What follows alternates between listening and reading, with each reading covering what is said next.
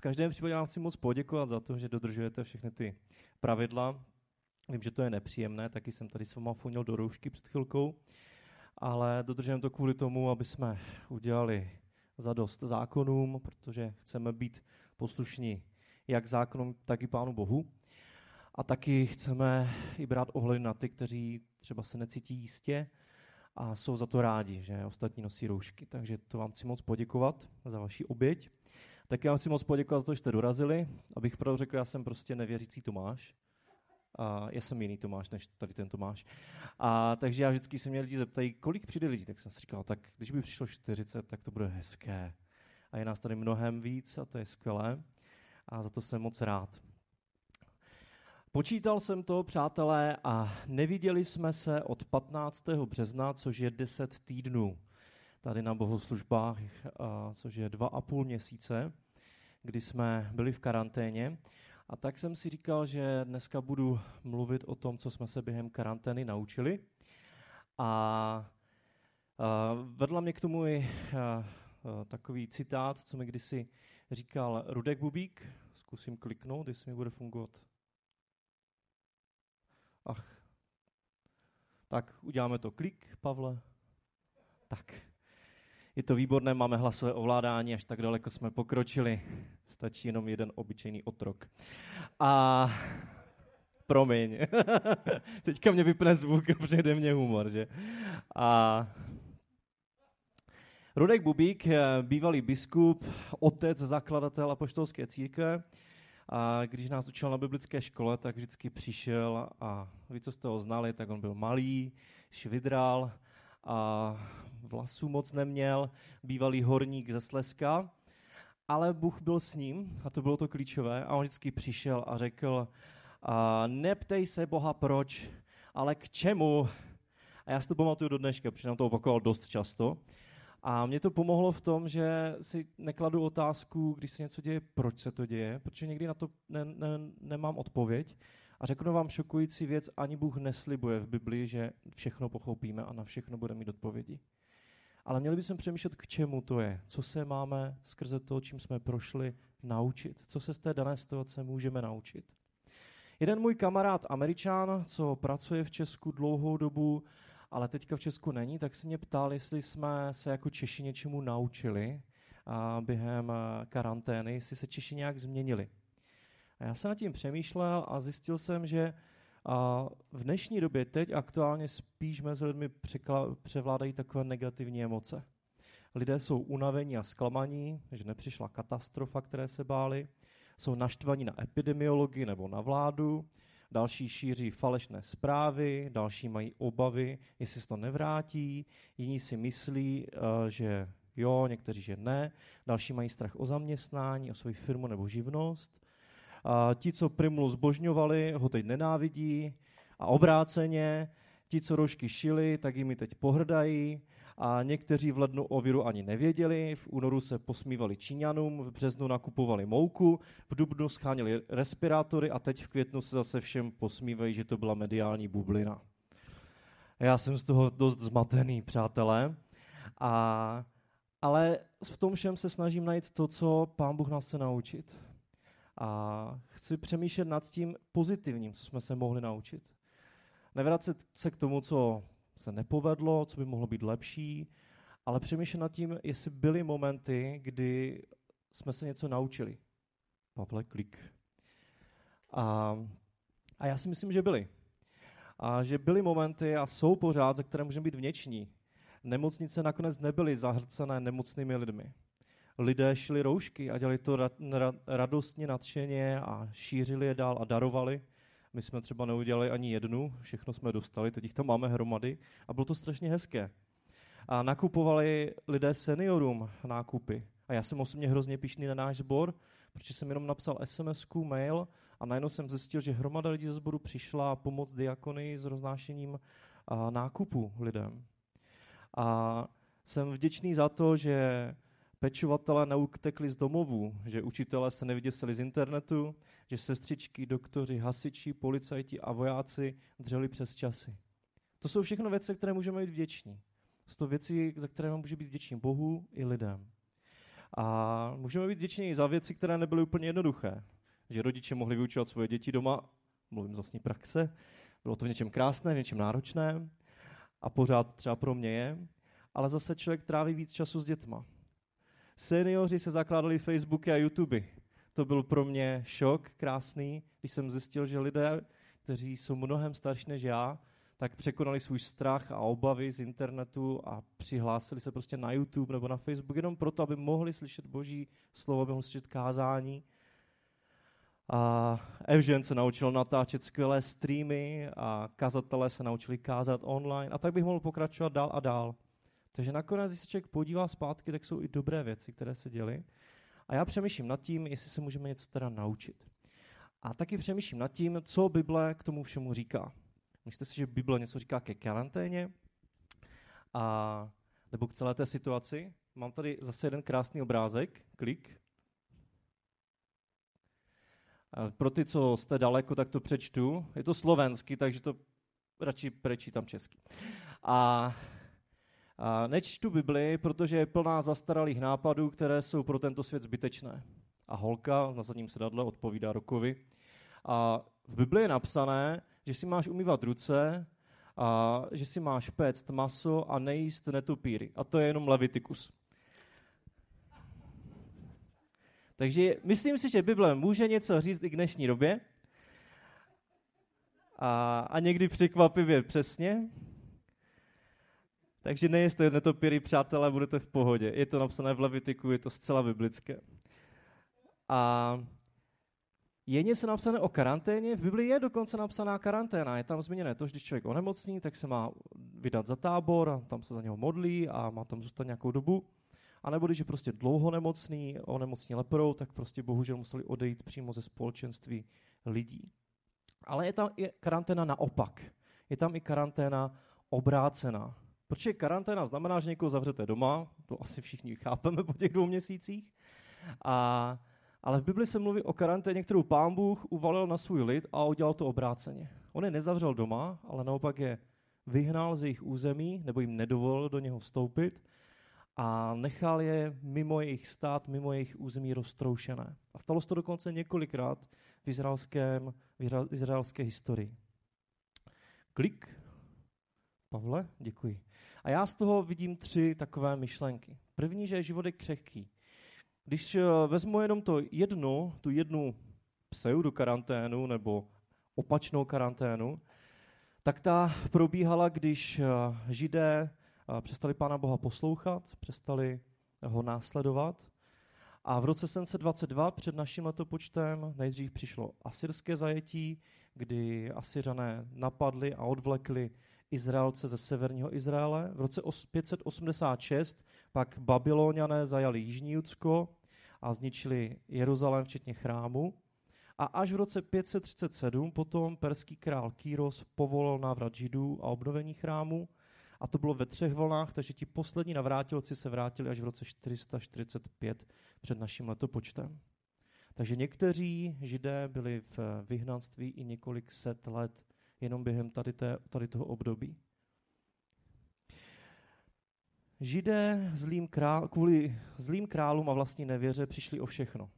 Přišli o krále, na kterého byli pišní a hrdí, přišli o své území, přišli o své majetky, přišli o svoje hlavní město, přišli o chrám, což byla, byl symbol jejich zbožnosti, přišli o svobodu. Co považovali za, se, za samozřejmé, už samozřejmé nebylo. Doufali v pomoc Egypta během tady toho období, ale nakonec to všechno bylo marné. Co bylo samozřejmé, už samozřejmě nebylo. Myslím si, že to je velká lekce, kterou se oni měli naučit. Že život je křehký a že věci nejsou samozřejmé. A to je něco, co jsme se asi učili i my. Přišli jsme o cestování, přišli jsme, přišli jsme o úžasný a skvělý ekonomický růst. Někteří bohužel možná přišli o práci, někteří přišli o svoje zábavy a koníčky a chození do kaváren. A někteří bohužel opravdu onemocněli a přišli o své zdraví. Martin Moldán, momentální biskup apoštolské církve, při jednom setkání řekl zajímavou myšlenku, že když měl možnost setkat se s rodinama těch, kteří opravdu onemocnili a zůstali v nemocnici, tak najednou zjistil, že celá jejich rodina začala k celé té situaci přistupovat úplně jinak než lidí, kteří se to netýká. Najednou prožili, že prostě přichází něco ceného, až nemají tu jistotu a bezpečí. A, a možná jste to zažili i vy, že jste si najednou uvědomili, že všechno není samozřejmé. Mně se to například stalo, když jsem svoji vlastní mamince několikrát musel volat záchranku, ne teď, ale v minulých letech, a protože má silnou cukrovku a někdy to bylo opravdu jako ovlásek. A já jsem si v tu chvíli uvědomil, jak málo stačí, aby člověk tady už nebyl. Stačí, aby vám praskla cévka v mozku, aby vaše srdce nepřestalo být, abyste přestali dýchat na nějakou chvíli a už to nejste. Život, který považujeme za samozřejmý, je darem a je křehký. A to je něco, co se potřebujeme připomenout. A že i všechno ostatní, co dostáváme, tak je dar a je to křehký dar. Ale to je dobře. Víte proč? Protože nás to vede k závislosti na Bohu. A to je něco, co se měli naučit Izraelci. Že se nemají spolehat na své krále, na své území, na svůj chrám, ale se mají spolehat na svého Boha. A ti, kteří to udělali, tak se pak vrátili zpátky do své zaslíbené země. A Jeremiáš, když klikneme dál, klik, to krásně popsal. Pavlíku, klikneš?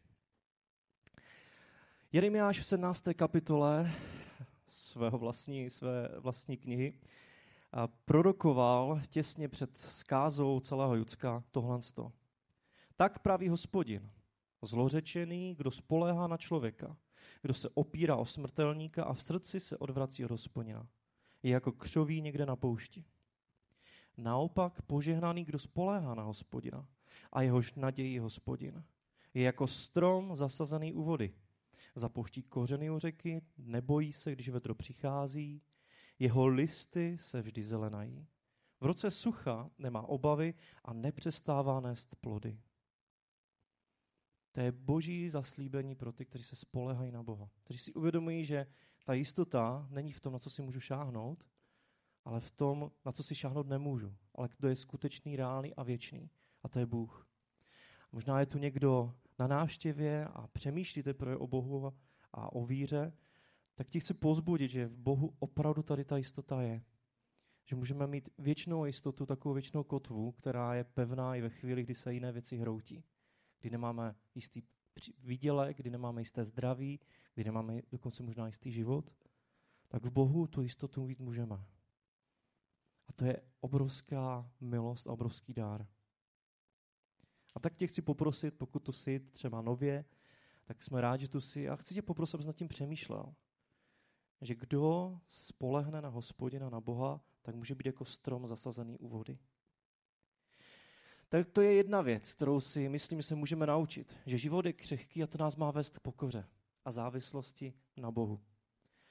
Když klikneme dál, klik, tak druhá věc ze tří, které jsem našel, je nový způsob zbožnosti nebo misie.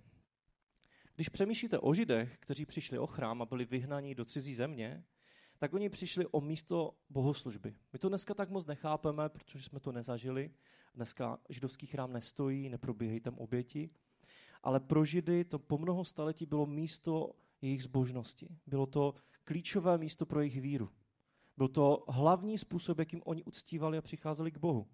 Vzali nějaké zvíře nebo nějakou obětinu a přinesli ji do chrámu, kde žádali odpuštění nebo vyjadřovali vděčnost, ale podstatou jejich bohoslužby byla oběť že něco Bohu přinesli. A najednou přichází cizí armáda babylonská, která to všechno zničí. Rozdrtí to na prach. A z Jeruzaléma, z jejich úžasného města a z chrámu, který je symbolem jejich víry, nic nezbude. A mě fascinuje, co židé udělali. Oni to nevzdali. Ale v těch místech, kam museli utéct nebo kam byli odvlečeni, tak začali zakládat synagogy. Do té doby o synagogách není v Bibli ani zmínka až během tady toho zajetí najednou židé se začínají scházet v malých společenstvích, takových malých zborech židovských a cílem jejich bohoslužby už není oběť, ale čtení Bible, čtení Tóry, studium toho, co Pán Bůh říká a modlitba. Najednou jejich zbožnost a jejich forma zbožnosti se změní velmi radikálně. My si to neuvědomujeme, ale opravdu se to tak stalo. Je to úplně jiná bohoslužba, která vlastně přišla. A má to taky druhý pozitivní dopad. Židé najednou začali hledat ty zbytky a, nebo ty kousky Tóry, dávat je dohromady.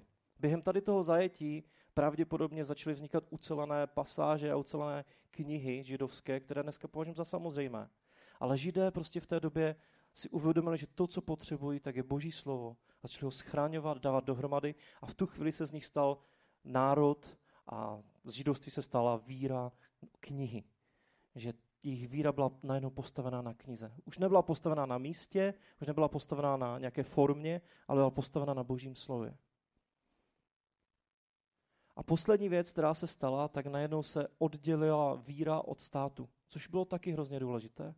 Do té doby víra, Bůh, uctívání hospodina byla úzce spojená s celým národem židovským. Tady, protože národ už není, není místo, není hlavní město, tak najednou lidé se musí začít sami spolehat na Boha a už se oddělují od toho území, což jim otvírá dveře pro misi, aby mohli přivádět nové lidi, kteří se stanou židama, přestože se židama nenarodili, přestože tam nežili na tom území, tak jenom kvůli své víře se mohou stát židy. Tak najednou z té těžké situace, která byla neuvěřitelná, která by většinu jiných uh, věr, náboženství zničila, tak přinesla veliké požehnání. Přinesla Bibli, přinesla misii a přinesla nový způsob bohoslužby synagogy, společenství. Je to zajímavé, že se najednou stane něco nového, něco těžkého, ale může to přinést veliké požehnání. A když nad tím přemýšlíte, tak vlastně synagogy pak zůstaly až do Ježíšových dob. Ježíš kázal a vyučoval v synagogách. Synagogy byly místem, kde se kázalo evangelium. Synagogy byly místem, skrze které se šířilo evangelium potom i do jednotlivých měst a míst. A Židům potom pomohli přežít eh, i tu velikou diasporu, která nastala v 70. roce našeho počtu, kdy byli ro- rozptýleni na několik tisíc let, nebo víc než tisíc let. My si to neuvědomujeme, ale Židé byli bez svého území od roku 70 do roku 1948. Teď to nespočítám, znáte mě, čísla jsou moje slabá stránka, ale je to určitě přes 1800 let. Že to jsem aspoň trefil. Karel mi to odkývává, děkuji. To je hrozně moc. Národ nemá svoje město, svoje území 1800 let a stejně, stejně zůstane národem a stejně si udrží svoji víru. A myslím si, že to je s námi trošku podobné. Když jsme uzavřeli sbor jako bohoslužby a přešli na internet, tak jsem se trochu cítil jako prvodní křesťané. Proto je tam ta pasáž ze skutku, kdy a, křesťané na začátku byli nadšení a byli v Jeruzalémě a byli spolu a bylo tam požehnání boží moc, ale byl tam problém. Víte, jaký tam byl problém? No to není ono. to je až za chvíli. Teď jsi mi vyfoukl for. Můžeš to vrátit? Teď si být seriózní. Ve skutcích 8. kapitole, to nejsou skutky. A je napsané, že v té době přišlo na církev v Jeruzalémě veliké pronásledování, takže se, vši, takže se všichni, kromě apoštolů, rozprchli do judských a samarských krajin. Byl problém, že, židé neposl- že křesťané, obrácení židé, neposlechli to Ježíšovo volání, aby šli ke všem národům. A tak si pán Bůh použil pro následování. Protože když se rozprchli, tak se stalo to, že ti, co se rozprchli, to je přímo napsané v Bibli, všem kázali slovo, kamkoliv přišli. A díky té těžké věci najednou se evangelium rozšířilo do světa. A myslím, že to bylo trochu podobné i s námi. Já jsem vždycky chtěl, aby jsme se naučili používat sociální sítě, aby jsme se nebáli internetu, ale vždycky jsem si říkal, jak to udělat, to je těžké a byla spousta problémů. A najednou stačily dva týdny a naučili jsme se to, protože jsme museli. A myslím, že to je do míry pro nás boží dar. Nevím, jestli jste si z toho všimli, ale první kázání, co jsme měli na internetu, tak mělo nějakých 1200 shlédnutí. To je jenom pro kliku. Osobně, když jsem nad tím přemýšlel a zkoušel jsem se to nějak dobrat nějakého počtu, tak myslím si, že to mohlo vidět přes 500 lidí. Většinu toho kázání. Nikdy jsme tady neměli 500 lidí, přátelé. Ani by se sem nevešli. A najednou Bůh dal příležitost. A myslím si, že to je příležitost, kterou potřebujeme nějak využít. Potřebujeme se naučit fungovat na, na těch nových platformách. A teď můžeš dát ten vtip, co jsem chtěl vás překvapit.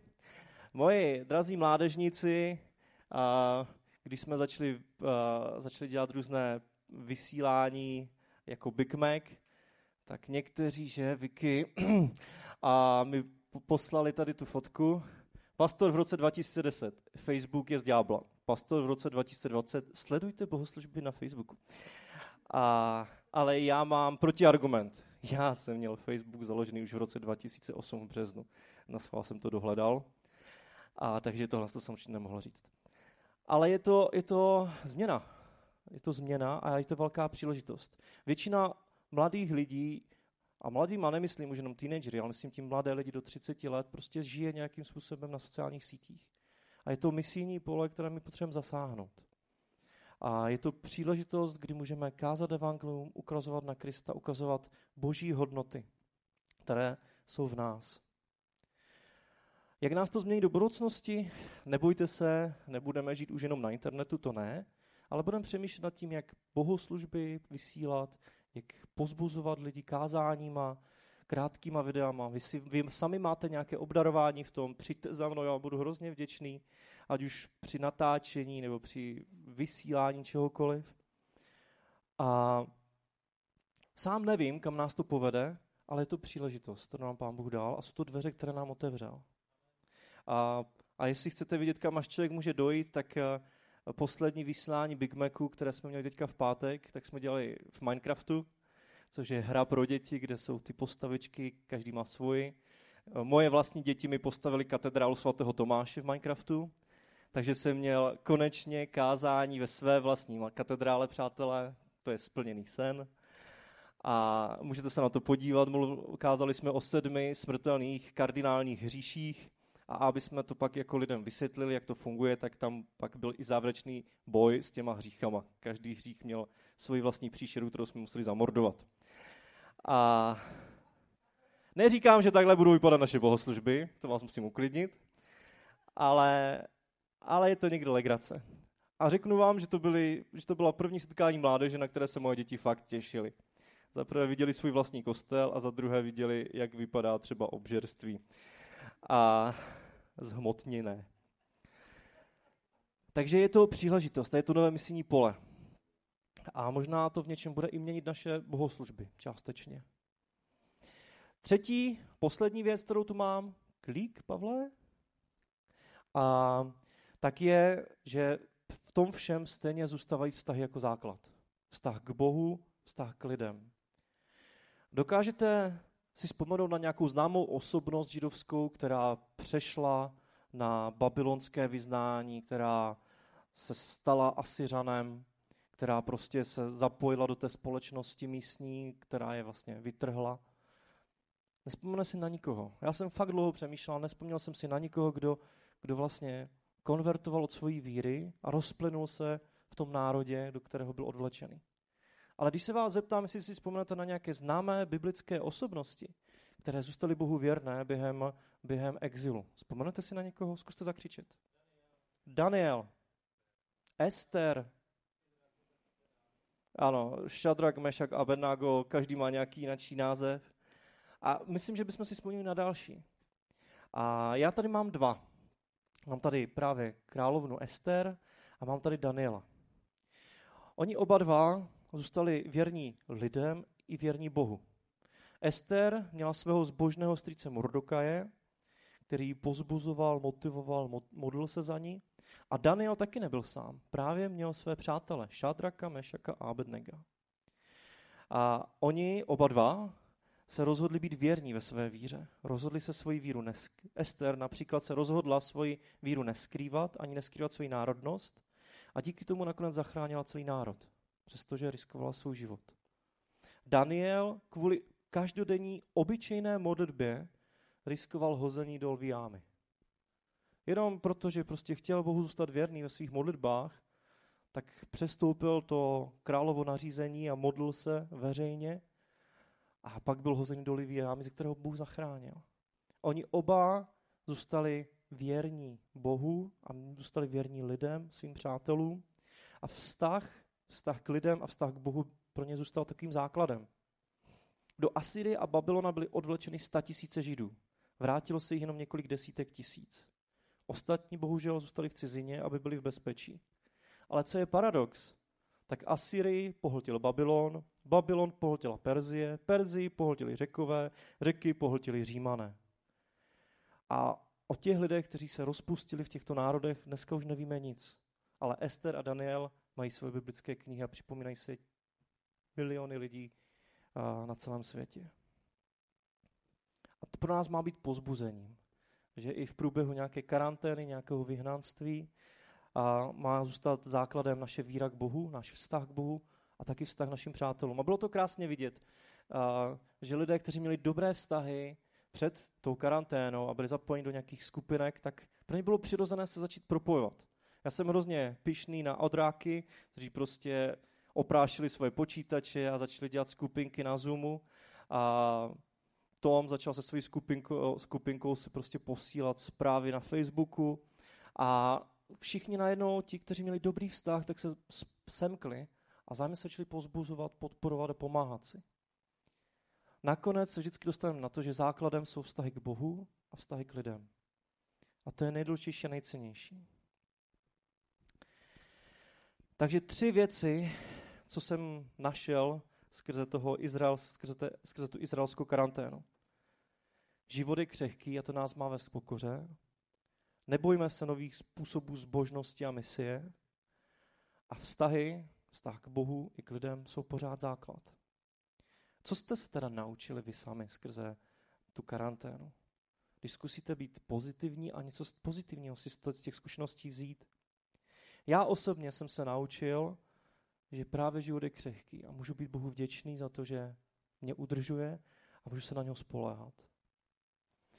Uvědomil jsem si, že máme obrovské pole příležitosti na internetu a je to veliká výzva a já budu vděčný za vaši nejenom praktickou pomoc, ale i modlitby, protože v tom potřeba velká moudrost. A vrátil jsem se na ten základ, že stejně to nejdůležitější je milovat Boha a milovat lidi a mít s nimi dobrý vztah. Co se naučil náš sbor? Naučili jsme se, že to nejdůležitější není tady ta budova. To nejdůležitější není tady ten krásný sál, který nás stál spoustu, peněz a energie, ale jste to vy a je to Bůh. A to je něco, co si potřebujeme zapamatovat. Protože Pán Bůh nás bude vést ke změnám a k novým věcem. A tak si vždycky uvědomujeme, co je podstatné. Že všechno ostatní, ta forma je křehká, ale Bůh je stálý. Co jsme se měli naučit, že máme hledat nové způsoby, jak sdílet evangelium, jak přinášet biblické hodnoty našim přátelům. A že pořád vztahy jsou základem. A že potřebujeme hledat i nové příležitosti, jak budovat vztahy, nové skupinky, nové týmy, nové uh, party lidí, kteří se budou scházet a kteří se budou vzájemně pozbuzovat. Čím ten sbor bude větší, tím víc budeme potřebovat takových malých společenství, a já vás teda chci pozbudit, abyste nad tím i vy sami přemýšleli a našli si něco pozitivního z toho, co jsme prožili. Aby jsme nezůstali jenom v naštvanosti, což je dneska bohužel časté, ale aby jsme našli něco pozitivního od Boha, co si máme odnést. A já bych se to rád pomodlil, jestli mi dovolíte. Pane Ježíši, já ti děkuju za to, že ty jsi pořád stejný. Já ti děkuju za to, že ty jsi věděl o covidu a o celé karanténě a že tebe to vlastně nepřekvapilo. Já ti děkuju za to, že ty jsi Bůh, který má přehled nad vším. Že ty jsi byl se svým lidem nejenom během nějaké karantény teďka, ale i za dob, které byly mnohem drsnější a těžší, jako bylo babylonské zajetí, asyrské zajetí, kdy lidé přicházeli úplně o všechno, i o svůj holý život často. A i tehdy jsi byl se svým lidem. A za to jsem ti vděčný, že ty jsi prostě věrný a stálý. Nauč nás pokoře, nauč nás tomu postoji, že věci nejsou samozřejmé, ale je to křehký dar, ale ty jsi ten pevný a stálý. Pomoz nám, když budeme kázat evangelium i v tom internetovém prostředí, ať to děláme dobře, moudře, když by mohly být stovky a tisíce dalších lidí, kteří se k tobě začnou prokousávat skrze svoje předsudky a otázky i skrze ty naše vysílání. Moc tě prosím, Ježíši, aby, abys nám pomáhal v tom jednoduchém prostém základu pořád. Aby jsme tě milovali každý den víc a víc. A aby jsme milovali svoje blížní, jak v církvi, tak i ty, kteří tě zatím neznají. Amen.